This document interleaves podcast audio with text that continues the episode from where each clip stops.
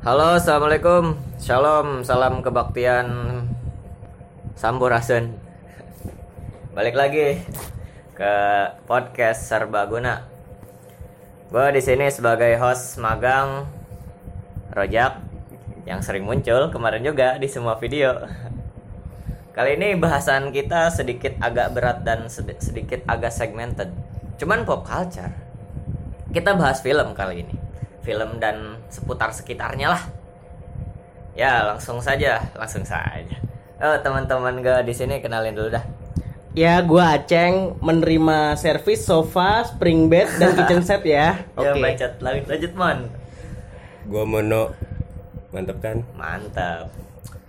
Di sini tuh mereka sebenarnya ini kan eh, sekolah di jurusan animasi, gue di desain gitu. Bengkel. Bengkel. Enggak cukup cukup inilah.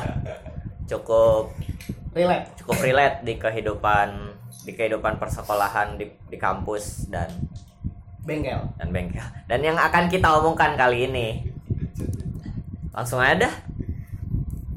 Langsung ya. Oke. Cus.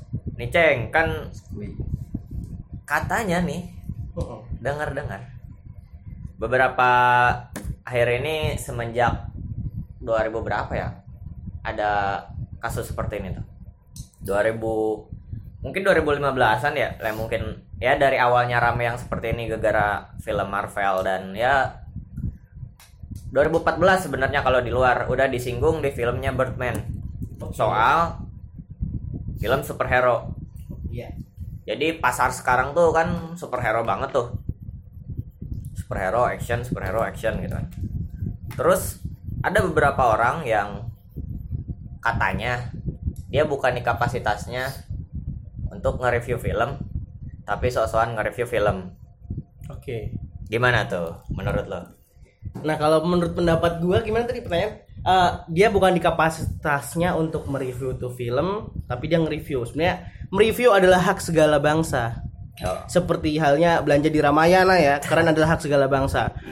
Cuman kita perlu garis bawahi nih, pakai stabilo ya, yang warna hijau neon. Eh, mereka ini nge-review film itu atas dasar apa dulu nih? oh ya. Apakah sebagai apresiasi? Ah, gue habis nonton film nih. Ya udah gue review.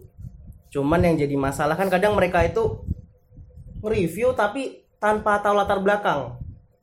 Kayak latar belakang gimana sih? Kalau nge-review mah ya nge-review aja gitu. Kalau misalnya Enggak, maksudnya latar belakang itu dari niat, ah, pertama niat dulu nih. Hmm. Gue nonton film ini karena apa sih gitu kan. Kalau sekedar ya pengen tahu nggak masalah. Cuman kan kadang kan siapa kita perlu tahu nih untuk mengapresiasi nih film nih, apalagi untuk di review ya, untuk di share kan review kan berarti lu menilai, lu kasih tahu ke teman-teman lu, ah gue habis nonton film A ternyata kayak gini-gini nih. Bagusnya gini-gini, kurang gini-gini. Nah, kadang mereka itu pada dasarnya eh, nggak ngetahui oh, siapa sih yang ngedirect gitu dia cuma "Ah, si aktor A nih gue demen nih ganteng banget nih gue tonton nggak ada salahnya.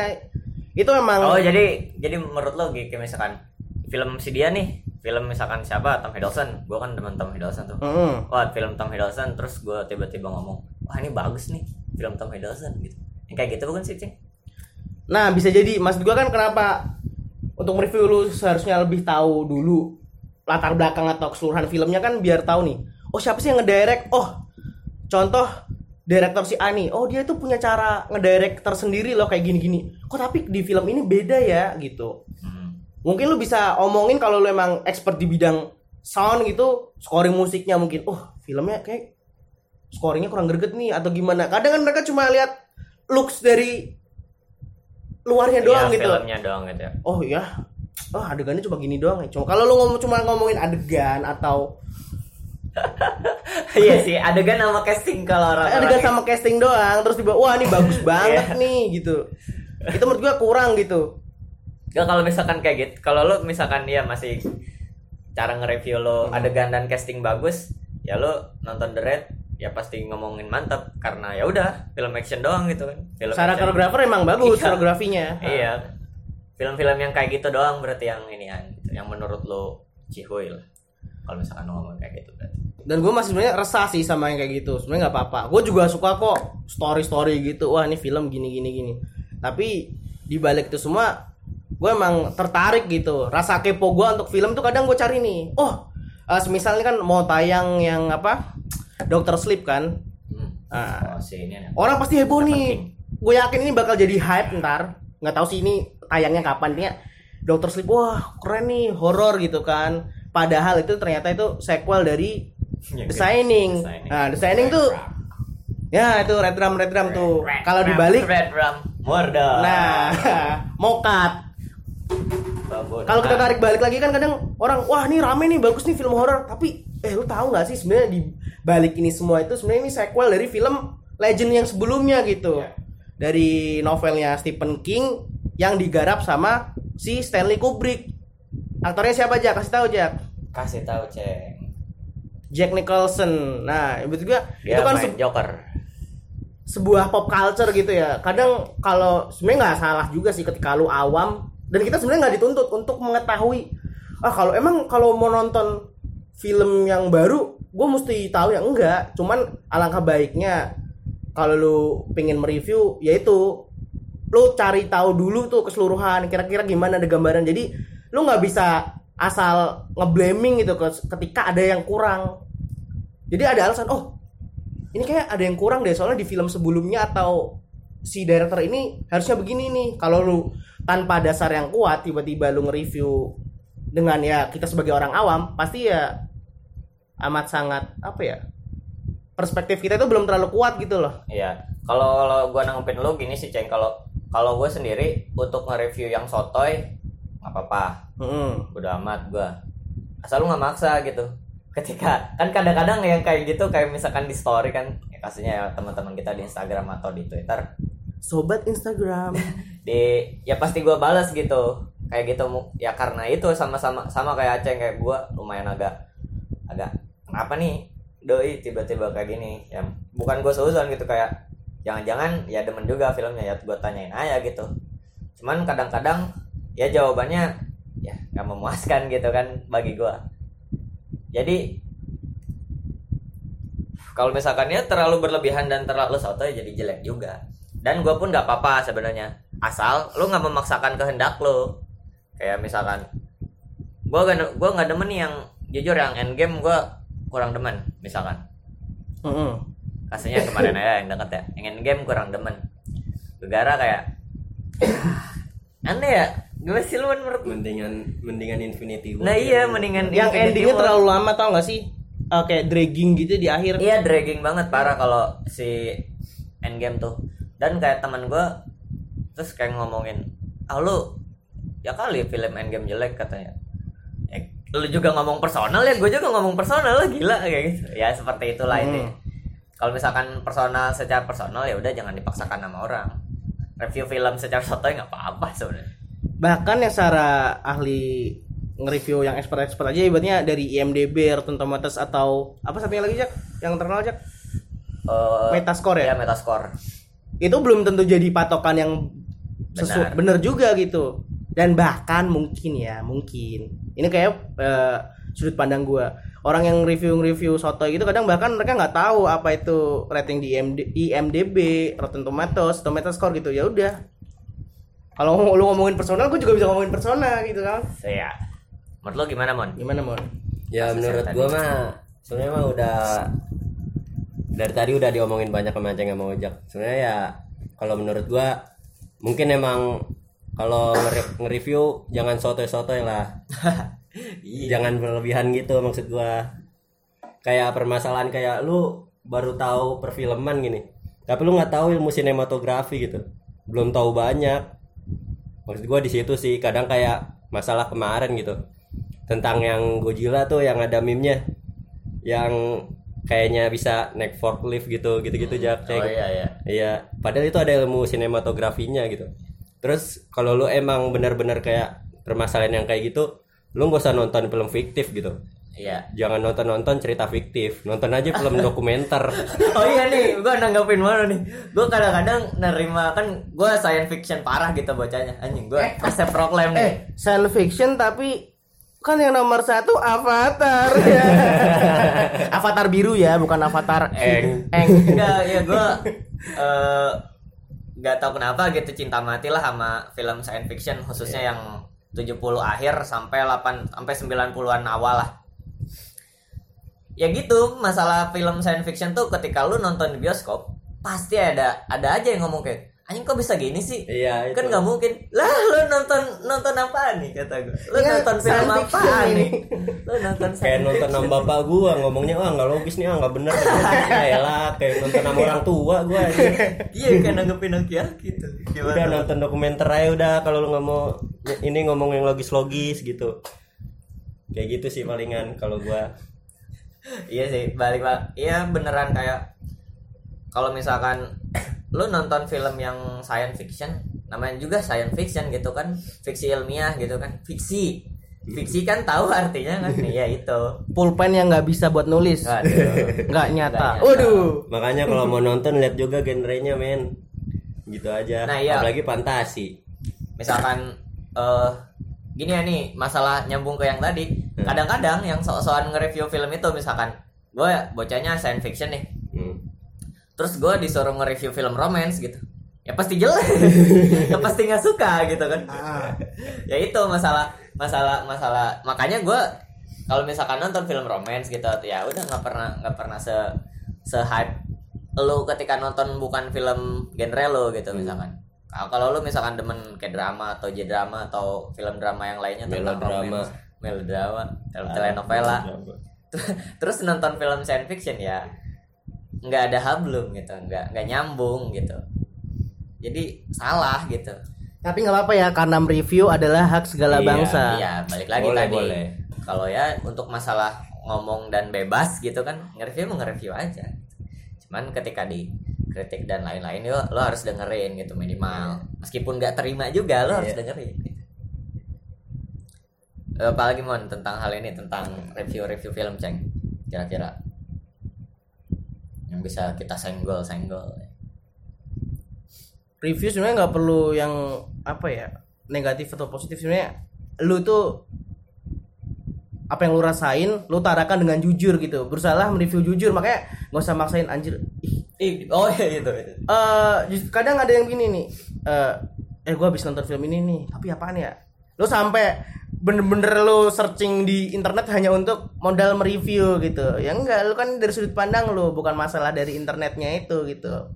Kalau lu nge-review ya utarakan apa yang ada dalam diri lu gitu. Apa yang lu rasain ini kan masalah selera dan ah oh gue kayak nggak kayak gini ya. Kayak gue ngerasa tadi gini gitu. Ya udah berusaha jadi diri lu aja. Kayak ini ceng kalau misalkan balik lagi ke inian ke ya bisa dibilang poser mungkin terlalu jahat sih gue nyebut poser apaan ya ya misalkan tadi kan kayak ya kasus endgame lagi lah yang kemarin agak anget dan lumayan ya sedikit nge-trigger gue untuk untuk ngomong banyak gitu. Dan dari kemarin pun ngobrolin ini kan sama lo, lo pada gitu kayak sosokan karena orang hype dengan nge-reviewnya ya 10 per 3 ribu. Aduh. Itu kan semuanya jadi kayak gitu. Oh, oke, sampai jadi sampah gitu menurut gua di internet lah. Ya lu siapa sih? Gitu. Cuman nggak apa-apa gitu kan. Oh ya kayak ini, lu cinta film karena aktor atau aktrisnya pemerannya nggak masalah, cuman ya ketika berlebihan kayak Iya anjir si Tony Stark ganteng banget nih eh, Sugar Daddy atau gimana. Kayak Ih Tom Holland ini internet crush gua nih. Yaudah gua cinta mati sama dia nggak masalah. Cuman kan kayak yang lagi rame-rame kemarin ini nggak tahu tayang kapan ya intinya ketika Sean. Sean. Sean. Aduh kol kolah nih. Si Sony sama Marvel ribut masalah apa? Si oh kepala- Ntar kita jadi Ah. si Spidey kadang tuh internet tuh asal eh warganet aja bukan internet ya. Internet memang menyebarkan menyebarkan ya menyebarkan info bukan menyebarkan. Eh warganet ini kadang yang awam yang mungkin ini agak menyinggung sih pada dasarnya Tom Holland garit kerat. Mereka itu ikut-ikutan hype itu kayak wah nggak bisa nih oh blok eh, boykot Sony lah boykot Sony Eh, Oh, ba- iya. eh, balikin Sony ke MCU lu Balikin tahu Sony, apa? balikin Spidey. Soalnya balikin Spidey ke MCU gitu kan. Atas dasar apa lu keluar-keluar gitu? Emang lu tahu masalahnya? Kalaupun emang lu tahu sebenarnya lu bisa apa gitu? Ya udah minimal tuh jangan jadi asshole untuk diri lu sendiri. Ini dari kemarin gua ngomongin asshole mulu nih emang nih. Ini nih lanjut lah. Bukan lanjut sih nyambungin ke lu kan. Itu jadi ya masalah film dan company lah. Mm-mm. kan akhir-akhir ini lumayan agak rame lah. Tentang Fox lah tentang Sony tentang Disney tentang banyak itu industri industri film semuanya kapitalis. Semua butuh cuan. Company yang ya lumayan dari sudut pandang gua yang cukup nikmatin hal dunia entertainment sineas gitu kan dari Hmm. kecil. Cukup kacau gitu untuk ngelihat sekarang. Gak tahu ya mereka tuh mau muasin siapa sih? Maksud gua bingungnya tuh muasin pasar yang mana gitu? Muasin pasar yang baru atau kayak yang atau semuanya gitu dan yang lagi anget kemarin tuh yang tentang Sonic nih sama Disney man Hmm. itu kan ya parah banget lah. Untuk untuk masalah untuk masalah kankernya di sebuah perusahaan mungkin itu sebuah apa sih namanya? Hak hak kekuasaan hak cipta. Nah hak cipta gitu kan. Gimana sih lo tanggapan inian lah? Soal kasus yang kemarin dulu dah.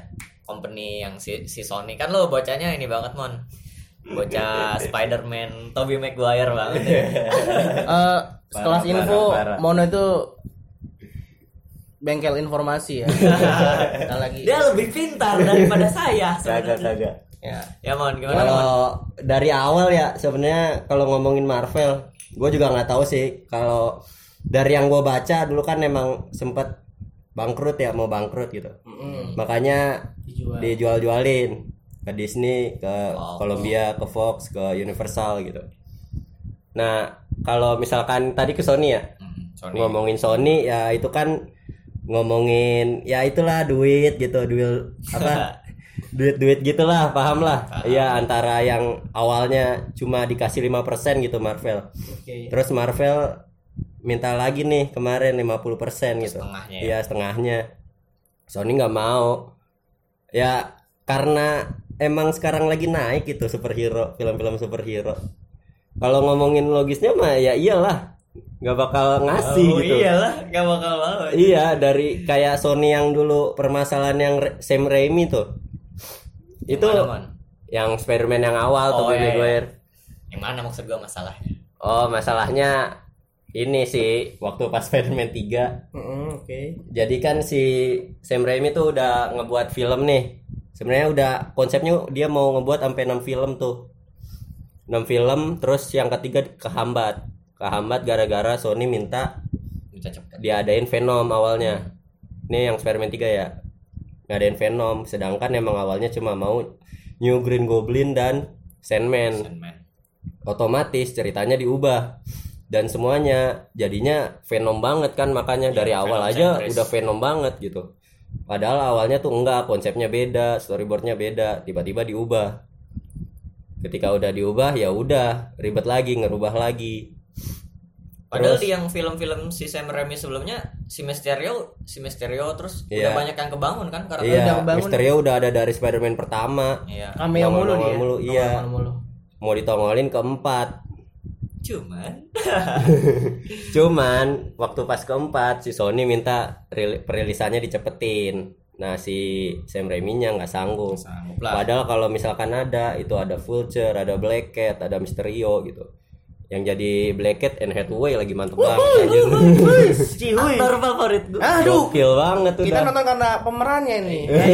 Gak apa-apa, gak apa-apa, gak apa-apa. Ampun, ampun, ampun. Gak ada yang salah, gak ada yang salah. Saya menjilat udah sendiri. Aduh, aduh. Kayak gitu sih. Ya walaupun awalnya emang yang keempat sebenarnya mau ngebuat Sinister Sinister Six. Oke, sister. sebenarnya pengen diadain cuman kata si Sam Raimi wah gua nggak kuat nih gitu gitu ngomongin kayak gitulah terus ke aman lagi Jap yang masalah yang sekarang dah. Kan itu background story Sony ya berkecimpung di dunia Spider-Man tuh. Kan, Oh, iya. Kan sekarang di Oh, sini iya. tuh mau mau menyalip menyalip. Iya sebenarnya kalau yang ngomong kayak gitu sih ini pas kenapa dia dirilisin cepatnya Spider- Spider-Man 4 karena si pihak Sony-nya udah ngeliatin film-film superhero lain seperti Iron Man satu. Pada tahun itu mereka ngiri sama Iron Man, The Dark Knight, Hulk. Ya gitulah film-film superhero lain. Nah di situlah sebenarnya menurut gua kayak studio-studio ketika ngebuat film superhero yang benar-benar nge-hype banget pengen ngebuat lagi yang lebih mantep Lebih gitu-gitu gitu lah gitu-gitu gitu-gitu terus dah pokoknya. Sampai sekarang sih menurut gua kalau misalkan ada yang mantep pengen buat juga yang lebih mantep. Kayak gitu sih kalau menurut gua Oh jadi kalau misalkan ngelihat dari sejarahnya si Sony sendiri gitu kan. Heeh. ya dari, dari sejarah si Sony superhero super film superhero ya mungkin kan potensinya tuh udah ada dari 2000-an awal sepertinya ya. Mm-mm. Jadi dari zaman uh, Spider-Man, X-Men itu X-Men tuh rutin itu. si Dark Knight sampai 2008 cuman ya itu yang meledaknya tuh di 2015an yang bener-bener Eh, wah, euforianya itu hype-nya itu belum dapat saat itu. Sekarang kalau dipikir-pikir makanya itu kadang eh, gua sebenarnya agak merasa risih ya ketika mereka sekarang tuh heboh-heboh apa namanya film superhero sebenarnya dari dulu kita sebenarnya sudah disuguhkan dengan film superhero bahkan nah balik lagi kayak contoh lu eh, teriak koar-koar di internet boykot Sony balikin itu ke MCU lagi si Spidey. Sebenarnya mereka tuh sadar nggak sih misal Blade itu yang pemburu vampir itu juga film superhero Nah, bahkan iya. dari Marvel gitu. Ghost Rider juga dari Marvel gitu. Mikir pasti mikir lah Blade itu kan bukannya vampir bacok-bacokan doang ya? Gue kira bukan superhero. Nah, terus kayak Daredevil. Loh Daredevil juga superhero ya gitu kan. Itu juga superhero Marvel nah gitu. Makanya kenapa mungkin kenapa bisa euforianya sekarang? Karena secara nggak langsung si Marvel ini pelan-pelan udah ngerencanain loh Iya. nge-build up si MCU ini makanya semua tertampung. Mungkin orang yang awalnya nggak paham jadi tahu oh ternyata dari superhero ini ketemu superhero satunya lagi yang ini ketemu ini. Jadi mempermudah para pemirsa yang awam untuk mengetahui superhero sekarang kalau kita pikir-pikir lagi eh sebagai orang umum Indonesia aja sih sebenarnya warga Indonesia pasti kalau tanya superhero yang dari luar cuma gue cuma tiga yang mereka tahu sebenarnya paling pop culture ya di Indonesia pasti kalau ditanya Batman, Superman, Spider-Man Batman, Superman, Spider-Man, udah tiga itu doang. Bahkan mereka nggak bakal tahu itu dari eh, komik mana, entah itu Marvel atau DC. Udah Batman, Superman, Spider-Man. Makanya banyak kaos-kaos mereka di pasar yang ada sayap-sayapnya. Ya kayak gitu. Karena itu memang sudah jadi pop culture. Ketika tanya orang awam tanya Fantastic Four atau X-Men mungkin juga belum tentu tahu. Makanya mungkin MCU ini sebenarnya nilai positifnya membantu orang yang awalnya tidak Iya pak. sih. Mm-mm. Jadi tahu mungkin makanya banyak yang tertarik. Terus jadinya mungkin yang dulunya mungkin udah tertarik ini sekarang udah jadi orang yang dewasa atau orang tua ngasih tahu ke anaknya, yo nah yo nonton ini bareng-bareng sama bapak gitu. Sebenarnya membantu juga sih makanya banyak sekarang yang suka gitu. Bahkan kayak Iron Man untuk secara umum ya untuk di tahun 2000-an Baru. awal di bawah 2007 banyak yang nggak tahu. Ya. Tapi kalau misalkan kan ya itulah masalah per perfilman dan company gitu kan. Mm-mm. Itu tadi yang gue tanya ini kan masalah company Disney lah. Disney itu yang Disney sama si Sony. Iya. Kan lo kemarin nulis tuh ceng sesuatu. Heeh. Gimana tuh? Kalau gua mm, eh, menanggapinya kisruh antara Disney dan Sony lebih gini ya. Kalau itu emang tidak terhindarkan ya, gua lebih ke respon apa yang warganet Nah, oh iya sih. respon yang warganet lakukan ketika mengetahui informasi tersebut. Menurut gue lu jangan langsung ya itu balik lagi jangan tiba-tiba lu memblaming salah satu pihak atau ta- yang lu sebenarnya lu nggak ketahui. Kalau ngomongin kapitalis dua-duanya pasti pengen untung Iya, kapitalis. parah. nah secara langsung gini men. Kenapa gua ngomong kapitalis? Disney aja kasarannya setahun ngeluarin berapa film deh? Lucas film aja yang produksi Star Wars aja udah punyanya si Disney 20th Century Fox nge-merge sama Disney yang dan mereka ini oh oh nih gue mau nyinggung dikit ya masalah ini. Jadi gue pernah lihat postingan di story lebih tepatnya. Jadi ada yang mengkomplain film X-Men The Dark Phoenix ini sampah dan lebih okean film Captain Marvel yang ini Brie Larson sebenarnya nggak masalah itu kan selera. Nah tapi nah ini gue bilang ketika lu komplain Tom review itu lu tahu nggak sih alasan dibalik itu semua? Nah ternyata setelah gue ketahui dan mungkin orang yang uh, tertarik akan hal ini juga tahu beberapa orang mungkin yang memang bener-bener pengen tahu ya. Disney itu mengotak-ngatik film si X-Men Dark Phoenix ini. Nah, gue sebenarnya udah udah dua tahun terakhir ketika isu Fox 2020 Fox ini pengen merge dan dibeli Oh, diundur nggak sih? Sayang lakunya sebenarnya. Udah diundur. diundur diundur Diundur. Nah, ini gue mau bahas nih. Berubah-ubah udah dua tahun terakhir gue itu sebenarnya udah komplain bukan komplain gue lebih tepatnya gue tuh udah mau mikirkan kayak eh ini bakal gimana ya sedangkan eh ini kan mau jadiin jadi satu universe. Sedangkan mereka tuh udah punya film masing-masing ya. Jalan keluarnya emang mesti remake atau di gue nggak masalah sih. Cuman yang jadi masalah ketika mulai berdekatnya eh mendekatinya apa titik temu antara Disney dengan Fox itu banyak imbasnya. Nah kebetulan waktu proses deal-dealan itu yang lagi mau tayang itu New Mutant sama The Dark Knight Phoenix eh The Dark Knight. Eh, salah. Sorry sorry ya. Panik. X-Men Dark Phoenix gitu kan. Jean Grey Jean Grey. Aduh. Jadi karena si MCU ini dari Kevin Feige ya lebih tepatnya dia ingin gini nih. Gua pengen eh, superhero pertama Marvel itu si Captain Marvel si Brie Larson. Jadi eh, yang Fox udah gabung sama Disney gua harap ditahan dulu nih tayangnya. Jadi biar si Captain Marvel tayang duluan Hype baru duluan deh gitu. hype biar hype duluan. Sedangkan mereka udah siap gitu tapi filmnya diundur-undur.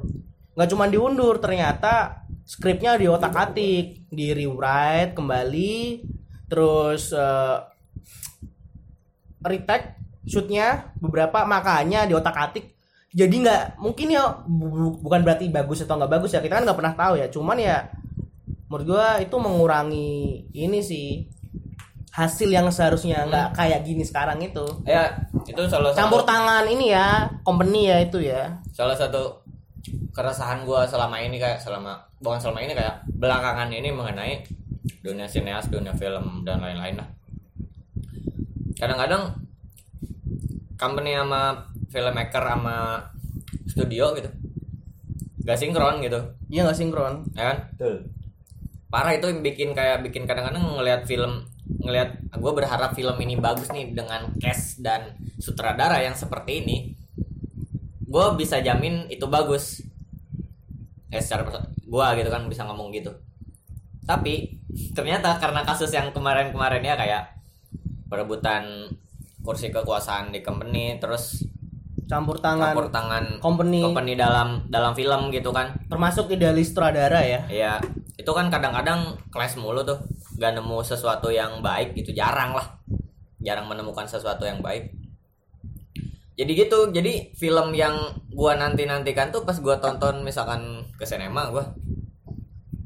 Nonton. Cinema 21 Hingga Kek Ai Indoksi. Yeah. Ke, ke sinema gitu kan kadang-kadang gak sesuai ekspektasi gitu kan.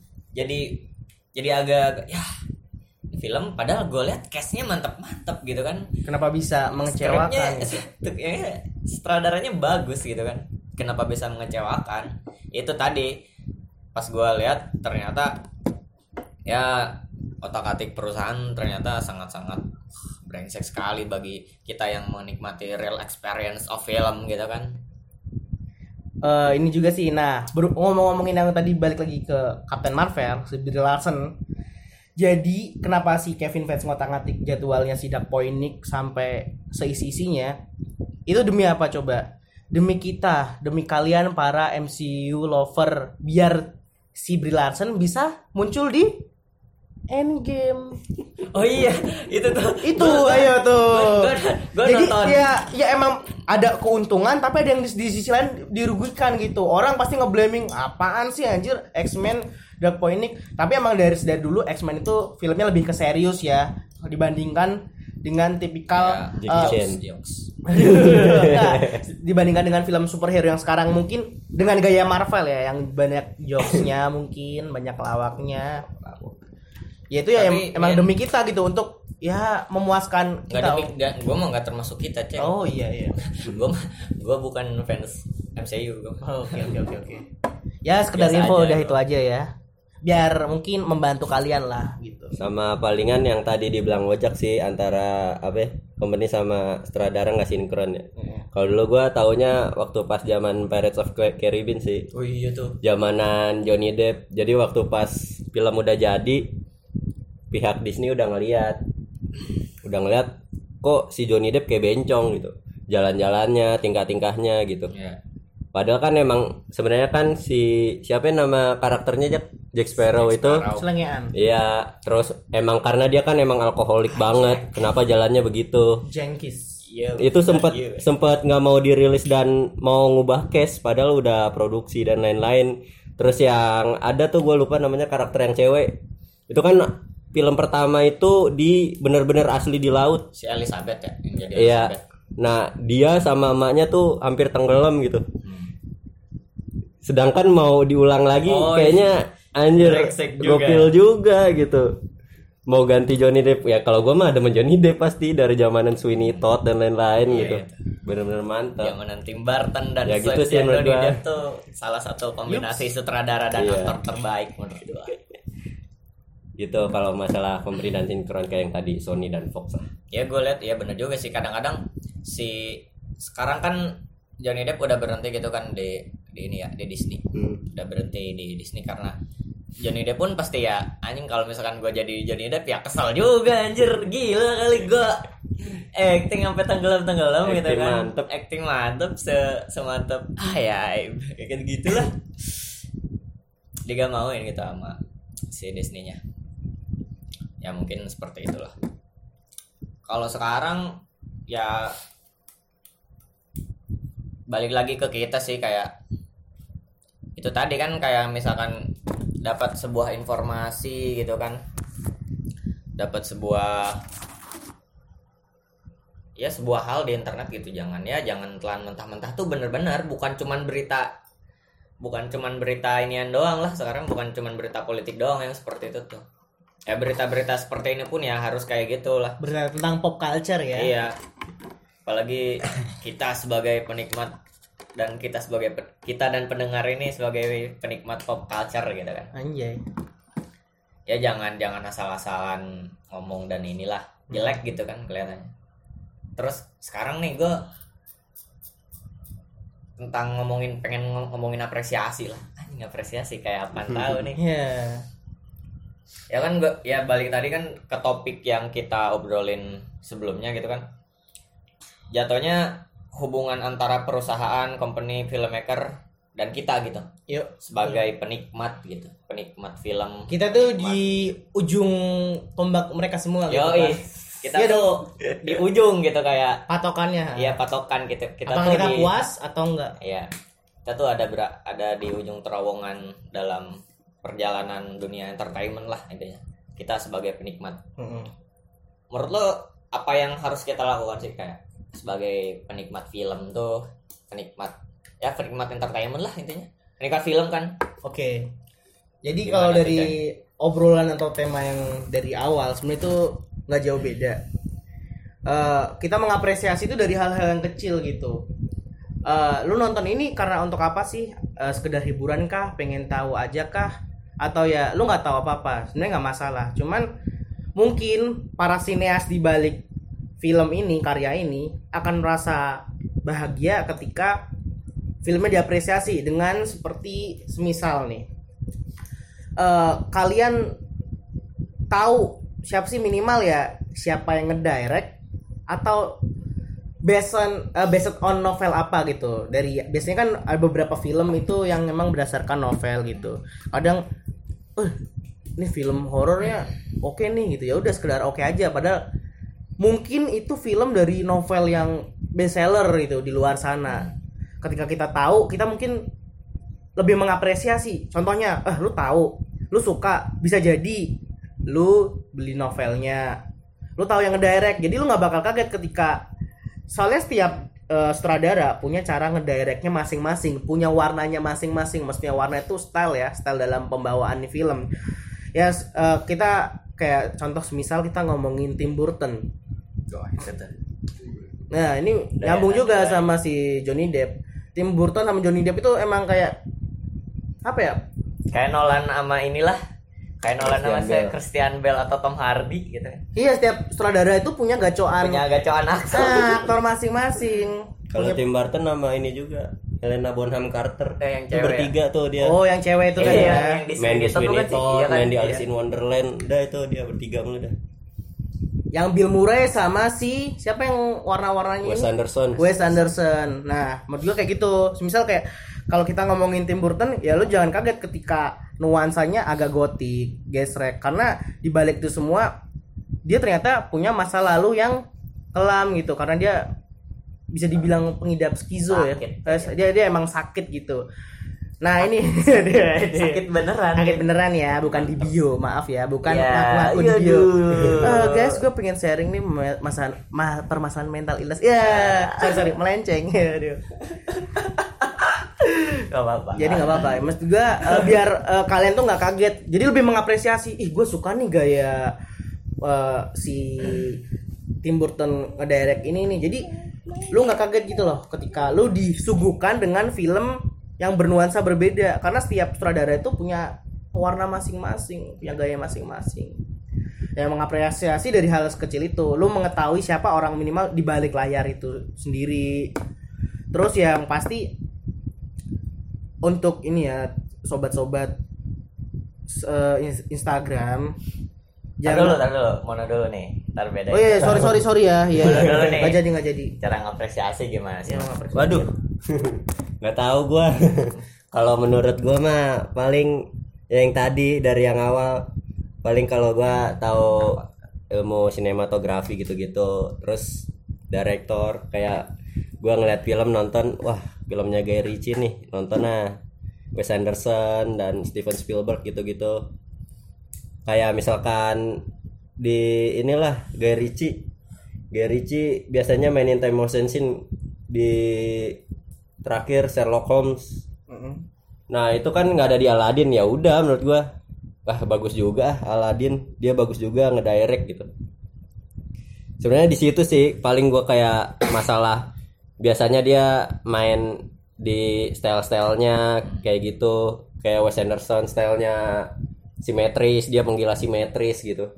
Kalau gue sih ngelihat dari situ ilmu-ilmu sinematografi dan kebiasaan style director gitu. Steven Spielberg dan lainnya lah. Kalau gue apresiasinya dari situ. Kalau misalkan nggak ada kalau misalkan emang filmnya bagus gitu menurut gua kalau menurut gua bagus dan emang nggak jauh banget ya nikmatin aja gue cuma penikmat gitu Iya.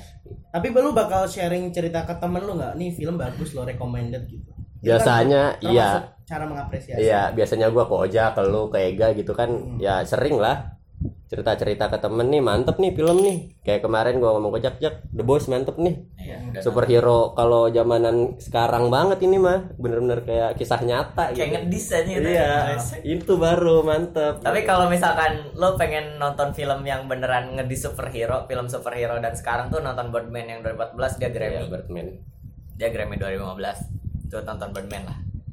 Tahu nggak? Ya, ya tonton lah pokoknya. Yang main si ini Michael Keaton yang jadi Batman zaman dulu. Dan Yang jadi full tour sekarang. ya, jadi Sama-sama burung sekarang. ya. Sama-sama burung. Sama-sama burung. Sama-sama terbang. Sama-sama Batman kan bukan burung. tiga-tiganya terbang. Tapi by the way ya si si Tim Burton yang bikin gua demen Batman sih. Walaupun kostumnya ada pentilnya. enggak bukan Tim Burton yang ada Eh, pentil. Kalau yang ada pentilnya itu Val Kilmer. Oh, Kilmer. sorry sorry salah. Kalau main di film itu yang lainnya filmnya The Doors yang dia jadi Jim Morrison. Hmm. Itu kalau orang lain eh kalau Michael Keaton kan ini Bad Keaton, Christian Bale, Iya. Bad Bale. Kalau khusus Val Kilmer, bad nipples. Beda sendiri. Iya. Iya, dicengin makanya kan. Oh, bad nipples nih, bad nipples. Kalau gue liat Robinnya gue ingetnya Panji Millennium. Iya, Iya, benar itu kayak Panji banget anjir. Enggak kostum Batman-nya ya gue kayak Panji Millennium. Eh, kebalik Panji Millennium. Oh iya, kebalik kebalik. itu Goblok. Tuh, tadi kan ya soal apresiasi film ya. Intinya kalau misalkan lu mau ya mau ngapresiasi sebuah film yang lu tonton gitu, ya banyak cara lah, banyak hal gitu. Dengan kayak kayak mi- misalkan misalkan kan Mono lebih nge, suka ngapresiasi direkturnya gitu kan. Hmm. Dan kalau Aceng lebih suka ngapresiasi kayak sama director dan hubungan mereka dan skrip dan lain-lain Iya. ya gitu banyak hal lah kayak si kayak kita ngapresiasi si siapa sih eh si Wes Anderson gitu kan dia kan ngapresiasi ininya banget gitu apresiasi dari sinematografinya. Terus kalau misalkan dari skrip siapa sih yang bikin Pulp Fiction? Si Quentin, Oh, Quentin Tarantino. iya. Ya banyak lah yang bisa diapresiasi dari aktor gitu kan. Kayak lo demen banget Heath Ledger gitu kan. Di Bat jadi Batman jadi eh di Batman jadi Joker gitu kan. Banyak hal sebenarnya. Tom Hardy banyak. Nah Tom Hardy. Bukan Christian cuman Bale. kayak kayak nge-review ini bla bla bla bla bla bla kayak Ya. kayak kentang gitu kan Eh, itu tuh kayak masih ngawang-ngawang di permukaan gitu. Ya, Agak sangat disayangkan. Iya. Yang Kalau lu cuma sekedar sharing sama temen, eh ini kayak gini ini nggak masalah. Tapi ketika lu share-nya itu dalam bentuk apa ya? ya intinya jangan nanggung lah Ah, jangan nanggung ya. Gue pun ketika ada temen yang misalkan wah dia demen komik juga nih dia demen film juga tuh pasti akan seneng gitu. Gue ngobrolin ngobrolin sama Aceng sama Mono gitu kan ngobrolin film sampai jam 4 pagi gitu kan dari jam 7 aja kira tolol gitu kan. Ngabsen karakter Marvel. Ngabsen karakter Marvel gue Mono anjing pernah tuh. Dari sampai Z aja dari A sampai Z ngabsen karakter Marvel tuh.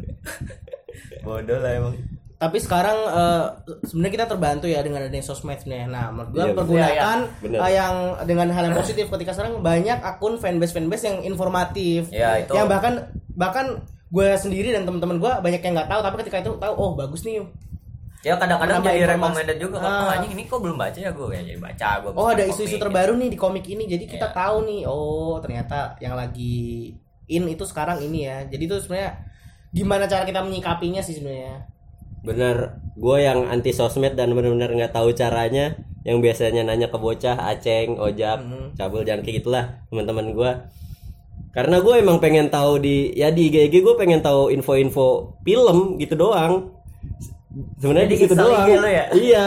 Gue pengen tahu eh pengen bisa sosmed dan lain sebenarnya cuma di situ doang gitu. Banyak platform sosmed sekarang termasuk YouTube gitu kan yang mungkin ya bahkan berbahasa Indonesia yang membantu Iya. kita sendiri itu sangat itu sangat informatif gitu dan iya itu cuman ya elah cuman 10 menitan video gitu kan kuota ngabisin berapa sih Nah itu lebih bagus kita lebih tahu dulu daripada gini loh. Eh, semisal contoh ya, kita masih ngomongin film superhero.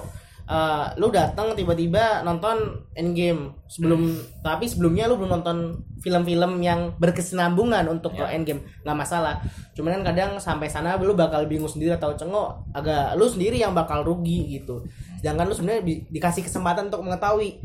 Soalnya gini loh bahkan ada yang udah nonton tapi dia nonton hanya sekedar nonton gitu dia nggak pakai perasaan atau hati ya karena mungkin ya gue nonton bukan karena gue suka atau gimana jadi kadang ada masih mempertanyakan gitu. Semisal ada suatu kejadian atau scene ya di beberapa film itu yang buat dia itu aneh.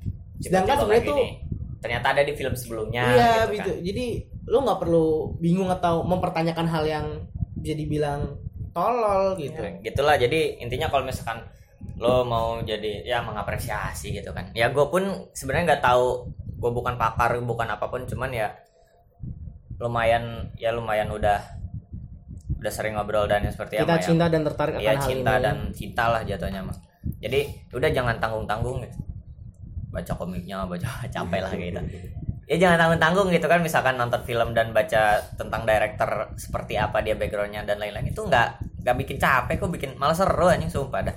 ini emang nggak ada di pertanyaan UN atau apa ya tapi ketika lu tahu informasi tentang apa ya bukan dunia tapi lebih ke pop culture seperti ini lu Seru tuh- gitu. lu seru lu nggak berasa kayak gue di dunia ini tahu apa sih? Hmm. nggak bakal useless kok. Seru buat bahan obrolan lu lu Ya, itu jadi- salah terlihat satu- jadi lebih apa ya terdidik mungkin bukan terdidik sih. Enggak kalau kalau kalau gue ini doang ceng kayak ya di tongkrongan ngobrolin sesuatu hal yang sama gitu kan itu seru gitu kan. Gue ya bocah sering ngobrol gitu kan demen banget ngomong gitu kan. Mm, ngomul. Lanjut dah lah nih ke topik yang selanjutnya nih. Eh oh ya kan di film-film tuh Indonesia gitu negeri kita tercinta tapi tidak.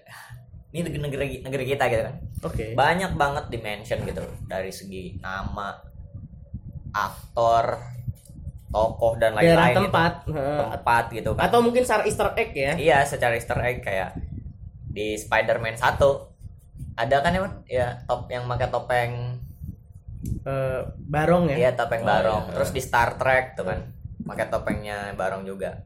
di Kuga juga ada topeng barong kalau nggak salah di episode 2 atau 3 Di Kuga, Kuga. ya Kuga Satria Satria Baja Hitam walaupun dia bukan Ya, Tapi yang ada. yang gue lihat yang jadi masalahnya tuh kan kalau hal yang seperti itu menurut gue umum ya. Umum. Umum banget gitu kayak oh ya udah misalkan di Brazil gitu misalkan syuting kayak Fast Furious kelima di Brazil gitu. Oh ya udah gitu di Brazil.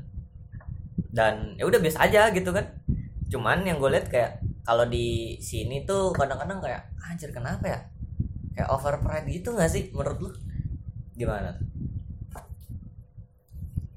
kalau gue tersendiri ya mungkin kebanyakan bangga boleh cuman ketika bangganya berlebihan dan kayak ini loh Indonesia oh Indonesia punya nih gitu kadang kayak eh, mungkin mereka tahu Wah, kalau ke sini sini ya ke sini sini tuh mungkin mereka tahu eh, karena Indonesia itu populasinya banyak dan kecintaan mereka akan film mungkin besar ya dengan Lumayan adanya lah. bioskop di mana-mana dan ya eh, bisa kita lihat dari yang John Aksesnya gampang. Heeh, John Wick 3 gitu kan. Mereka itu kayak mengambil sentimental sentimental perasaan Indonesia yang bangga akan cita tanah airnya seharusnya. Dengan adanya aktor Yayan Ruhian dan siapa? Cecep ya. Cecep Arif Rahman. Nah, itu kan terus si Keanu Reeves-nya bilang ngomong eh ngomong pakai bahasa Indonesia itu emang menarik sentimental para warga Indonesia untuk wah tertarik gitu loh. Mereka emang itu marketing mereka ya. Sebenarnya nggak salah yang jadi salah tuh ketika ya itu menanggapinya itu berlebihan kayak ih ngomong Indonesia ya emang ngomong Indonesia kan emang Kan yang- itu kebutuhan skrip, saudara-saudara dan- gitu. Ke- dan itu juga di, kenapa kebutuhan skrip? Ya karena lawannya kebetulan berasal dari Indonesia. Dan mungkin dimension ya dimension dulu. Oh biar mungkin penguatan karakternya biar mereka tahu silat itu dari Indonesia. Makanya mungkin ada selipan-selipan seperti itu. Dan itu sebenarnya nggak apa, bukan nggak apa-apa kayak ya udah itu emang emang sering kayak gitu kan. ya kayak Ve- eh, Anaconda 2 Kalimantan, gitu kan. Venom juga di Kalimantan ya yang itu jatuhnya si Si Tom Tom Holland, Tom Hardy. enggak ini aliennya simbiotnya Iya, Heeh. nyebut-nyebut Jakarta juga banyak kan. Mm-mm. Iya. Jadi biasa aja lah sama fenomena yang seperti itu kadang-kadang lu dulu gimana teman? Marta? Menurut gua. Iya. fan service juga sih menurut gua Oh iya. Iya, fan- iya, fan bisa jadi service. fan service ya karena ya gitu karena kecintaan warga kita terhadap film tuh gede ya. Bagus dong berarti apresiasi kita itu kita memang menyumbang film yang besar ya. Makanya jangan kaget ketika contoh Duan Johnson berterima kasih di Instagramnya atas eh, filmnya nomor satu di Indonesia. Karena mungkin beberapa aktor atau aktris di luar sana itu ikonik bagi masyarakat Indonesia. Punya rekam jejak di hati kita tersendiri Iya, apalagi The Rock lah. The Rock Gila gitu. siapa yang Nah. tahu bocah yang nggak tahu The Rock siapa? kita kan Katanya ngambil gitu. contoh yang kecil ya seperti The Rock gitu makanya ya itu hal yang lumrah ya fan service betul gimana man Gimana menurut gua? Iya, kayak yang ada ada sesuatu hal yang Indonesia banget gitu di sebuah film. Menurut gua gua nggak tahu sih, gua udah amatan juga gitu. Iya kan? Sampai kayak ya udah biasa aja kalau gua sampai ya kalau tahu kemarin series kemarin Iko Uwais main series di Netflix Wasasin. judulnya Assassin benar-benar Indo banget sampai nyebutin dia tuh muslim gitu-gitu Indonesia Mm-mm. ya sebenarnya ya gue biasa aja emang gue cuma mau lihat mungkin martial artsnya si Iko Uwais aja Iya. nggak sampai kayak wah dia dari Indonesia nih gini-gini wah mantep nih terus gue share-share gimana gitu gue biasa aja gue mah paling cuma ngomong nih ma- mantep nih ada Jago film gelut Iko nih. Uwais iya mantep dia Jago gelut. jadi kayak bukan Bagus hal yang perlu kita gitu. kagetin lagi Iya. gitu. iya ya Udah- udah biasa lumrah aja lah. Kayak gini aja dah, gue misalkan nonton film apa gitu kan misalkan nonton film dinosaurus gitu. Terus ada dinosaurus, wah kaget gue gitu. Gak gitu kan. Jadi kayak misalkan ada film terus tiba-tiba makan ramen gitu kan. Nah, Terus orang Jep- terus biasa aja kita kan Iya. sebagai orang Indonesia gitu kan. orang Jepang biasa aja Iya, terhadap orang Jepang hal biasa itu ya, aja. biasa aja Dan pasti orang Jepang pun eh orang Jepang pun pasti biasa aja ngeliat ngelihat ada ada topeng Indonesia dan mereka enggak enggak oh ini topeng Indonesia ya? Oh gitu kayak gitu. Jadi ya udah biasa aja beda tuh. cerita kalau lu emang pemburu Easter egg atau apa itu juga nggak ada salahnya juga sih. Kadang itu emang lucu aja itu kayak pesan-pesan yang ingin disampaikan. Nah itu kalau misalkan ya kayak gitu. Kayak buat seruan-seruan di seru-seruan. informasi yang menurut lu seru dan bisa membantu lu sebenarnya nggak sebenarnya kalau Easter egg tuh penting nggak penting sebenarnya cuman Hmm. seru untuk diikutin. Jujur kayak misalkan di GTA di GTA terus di film di game di di film di komik sama ini yang dinosaurus dari Indonesia yang Jurassic World gimana itu tuh? kan ada yang Oh, dinosaurus iya. dari Indo Hmm. iya kayak gitu Iya, kayak gitu, seneng gitu. sen- seru-seruan aja kayak gitu wah mantep nih itu mah kan for the sake of directing gitu kan Iya. for the sake of film gitu kan biasa aja gitu kan dan balik lagi ya bisa jadi itu tuh fan service dari mereka untuk kita karena yaitu kita itu penyumbang penonton Iya. yang besar Lumayan juga besar masif gitu. untuk eh, industri perfilman Hollywood ya manusianya banyak Mm-mm, betul makanya seringlah mereka itu kayak jumpa pers di sini Betul. Indo Cina tuh sering Mm. Udah ya mungkin itulah untuk misalkan ada sesuatu hal yang dimention di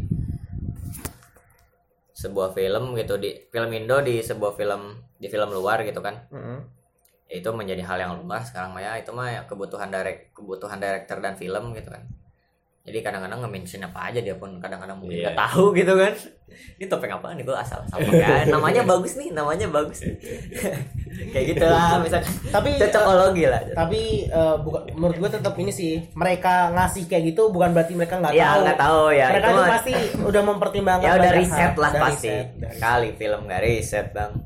Cuman itu ya jokesnya gitu kan jokesnya gitu kan cocokologi nih dia cuma jokesnya lah. Mm. terus tadi mon kan ya lu sempet sebelum kita ngerekam tuh kan lu sempat ngobrol gitu kan tentang daftar apa namanya? Daftar hitam. Daftar hitam. Daftar hitam aktor. Gila nih baru denger juga nih gua untuk minggu-minggu ini. Gimana mon tuh? Kalau gue sih yang kata itu taunya pas Keanu Reeves sih. Dia lagi nih. Jadi waktu pas kalau lo tahu dia kan main di film Speed tuh yang pertama. Hmm. terus si Fox mau ngebuat lagi Speed kedua. Speed kedua. Nah ya terus si Keanu Reeves-nya nggak mau karena emang nggak bisa gitu ada proses produksi teater gitu di Kanada gitu. Hamlet lu lihat aja di Google Hamlet Keanu Reeves gitu pasti keluar. Terus ya itu dia nggak bisa ya ada ribut lah pokoknya antara Keanu Reeves dan si Fox ini. Ribut. Terus ya udah Keanu Reeves nggak bisa main di Fox. Itu sampai tahun 2008 2008 itu dia main sama Jennifer Connelly sama Jad- Jaden Smith. Apa sih? The, The Day the Earth Stood Still apa kalau nggak salah. Baru bisa main film sama ya dari Fox ya itu. Sebenarnya ya itu sih sulit. Kalau ngomongin daftar hitam banyak. Cuman yang gue tahu beberapa ya cuma Keanu Reeves doang sih. Kalau ini si merah tuh si merah dia ngomongin nih. Yang di Aquaman Si yang Merah, mana si iya. Merah kan mantan istrinya lama Johnny ya. Depp ya? Iya karena yang apa yang Johnny Depp yang Iya. ribut. Itu masuk gak sih nggak tahu sih itu mah KDRT anjir. Enggak tapi sama si katanya sama si WB nya diiniin katanya. Oh iya. Gara-gara itu gara-gara apa sih jadi tahu ke mana-mana lah. Masalah gituannya jadi tersebar luas ya itu pokoknya kalau masalah Keanu Reeves daftar hitam dia nggak bisa main di Fox sampai tahun 2008 baru main lagi di The, The, The Earth Stood Still terus main di 47 Ronin walaupun nggak naik. Pokoknya sempet ribut sih sama Keanu Reeves.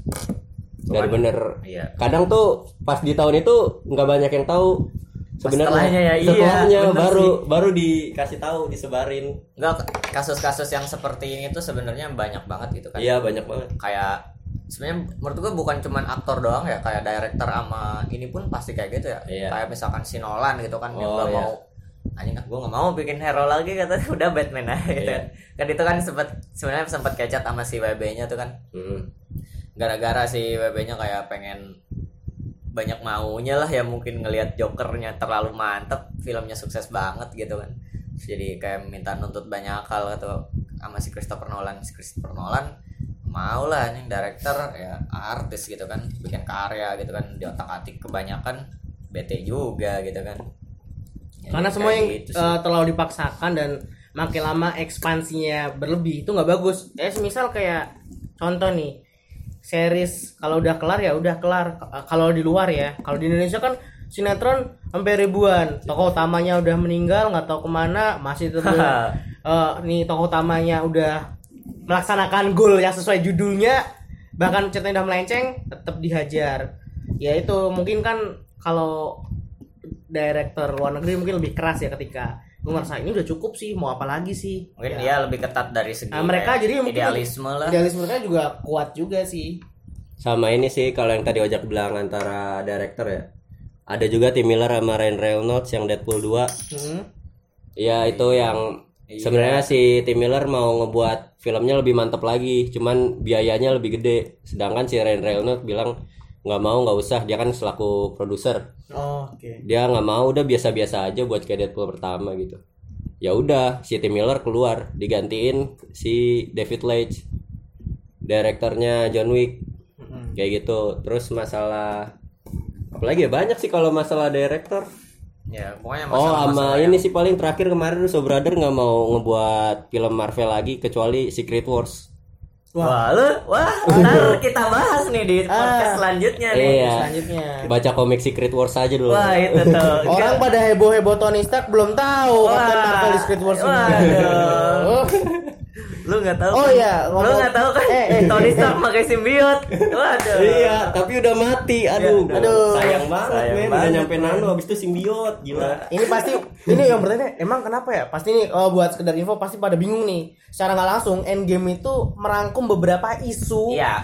atau Easter egg yang di komik untuk dimasukkan dalam Endgame semisal ketika Kapten Amerika bilang Hell Hydra oh di lift orang pasti udah tahu apa maksudnya Hell Hydra ah ya, ya, itu kita tidak perlu bahas lebih lanjut jadi oh, gimana gue mau mau ini nih mau bahas topik yang beda.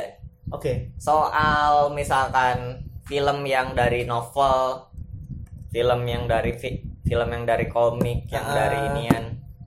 Kan kalau gue sendiri kan, gue secara personal film yang terbuat yang terbuat, yang ya yang ada udah ada dari komik atau dari novel Novelnya. tuh seharusnya bisa seharusnya kalau misalkan bagus itu menurut gue ya udah biasa aja gitu kan Hmm. pasti bagus lah nih udah ada cerita awalnya gitu kan Hmm. terus ada film gitu misalnya dari komik dari novel terus nggak bagus gitu hasilnya kadang-kadang lu kesel nggak sih gitu Kalau gue sih kesel sih, ya pasti kesel lah. Eh, apalagi semisal gue udah tahu buku eh novel atau komiknya ya. Cuman kan kalau dipikir-pikir lagi kan belum tentu satu film bisa merangkum semua ya ke apa ya kewahan dalam itu buku gitu. Hmm.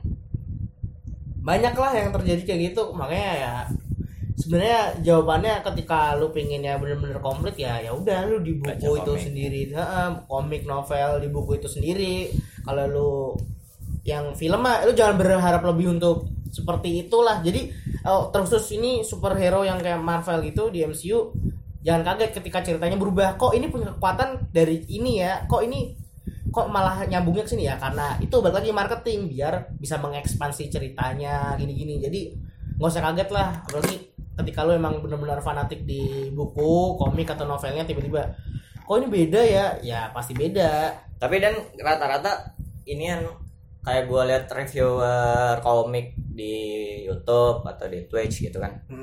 Yang review komik. Rata-rata mereka tuh ya pada nggak suka lah. Nggak suka nggak suka film gitu. Iya. nggak suka film sumpah. Karena emang film untuk khusus superhero ya. Iya.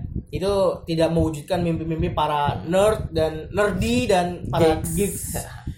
Eh, pecinta komik itu sendiri sebenarnya tapi gue sendiri kan ya sedikit lah baca komik Nah, untuk ketika ada film yang di eh novel atau buku atau komik yang difilmkan gue nggak pernah nggak pernah berharap ceritanya tuh sama sama buku pasti bawa pemain sendiri iya gue pengennya tuh ya udah beda aja Iya, style pengen directornya. beda. Bosen lu kalau sama mulu. iya lu misalkan lu misalkan nonton film yang udah ada bukunya dan lu udah baca bukunya ya pasti nggak sesuai ekspektasi lah mending yang beda sekalian ekspektasinya kalau Iya. menurut gue mah Nah justru kayak gini tuh termasuk kayak yang gue pengen ngomong Spider-Man Sam Raimi. Gue bahkan justru lebih nyaman ketika Spider-Man itu bisa cerotin cerot eh, jaring laba-labanya murni dari tangan, Oh, iya, iya, bukan iya. dari alat. dari alat. Iya.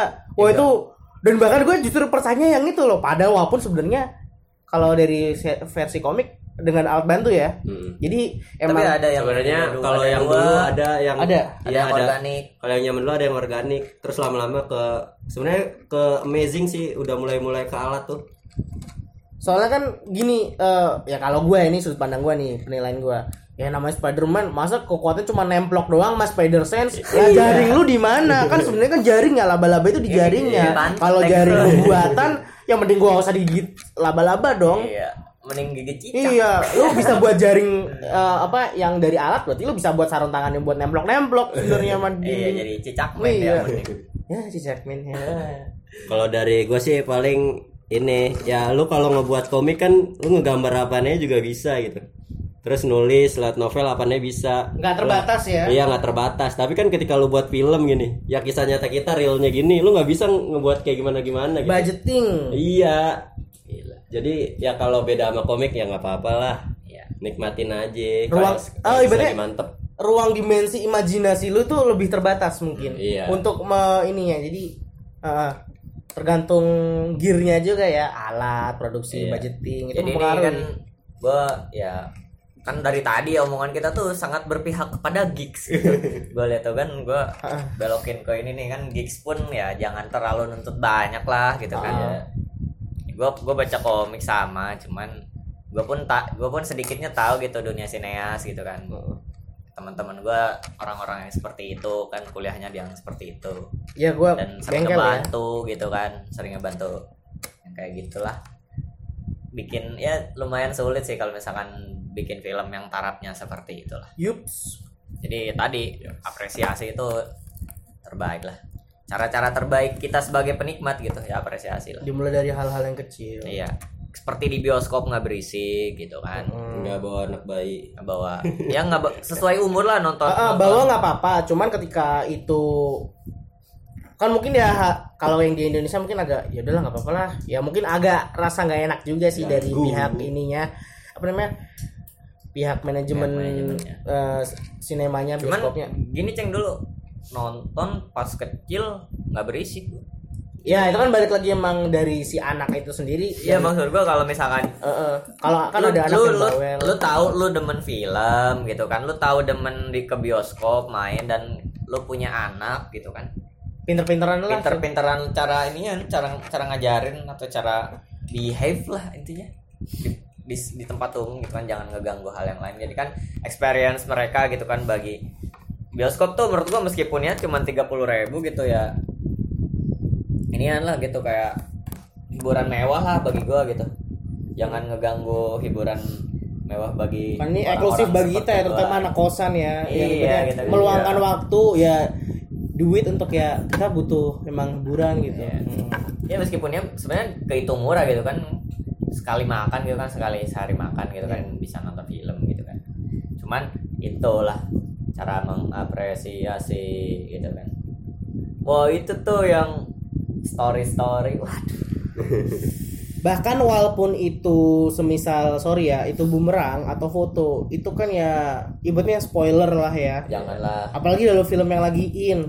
Gue bukan berarti gue mengajarkan untuk menonton film bajakan tapi semisal itu udah keluar dan udah ada kasarnya ada di website internet bangsat lan lain-lain lah Ah, gitu. gitu. Ya nggak apa-apa lu sorry in itu ada di laptop lu, ada di PC lu, ada di HP lu. Tapi kalau itu lagi in, lagi no playing gitu kan, lagi ada di bioskop sekarang, lagi tayang, please jangan lu story in satu detik pun satu scene itu ke gambarnya ya ke gambar film itu bukan sendiri. bukan masalah ini selainnya melanggar hukum menurut gua etika berinternet sih etika etika bersosial media kan jatuhnya di sosmed tuh pasti nge Tapi biasanya yang kayak gini, yang review, eh balik lagi, karena review adalah hak segala bangsa. Oke. Iya gitu. Jadi kayak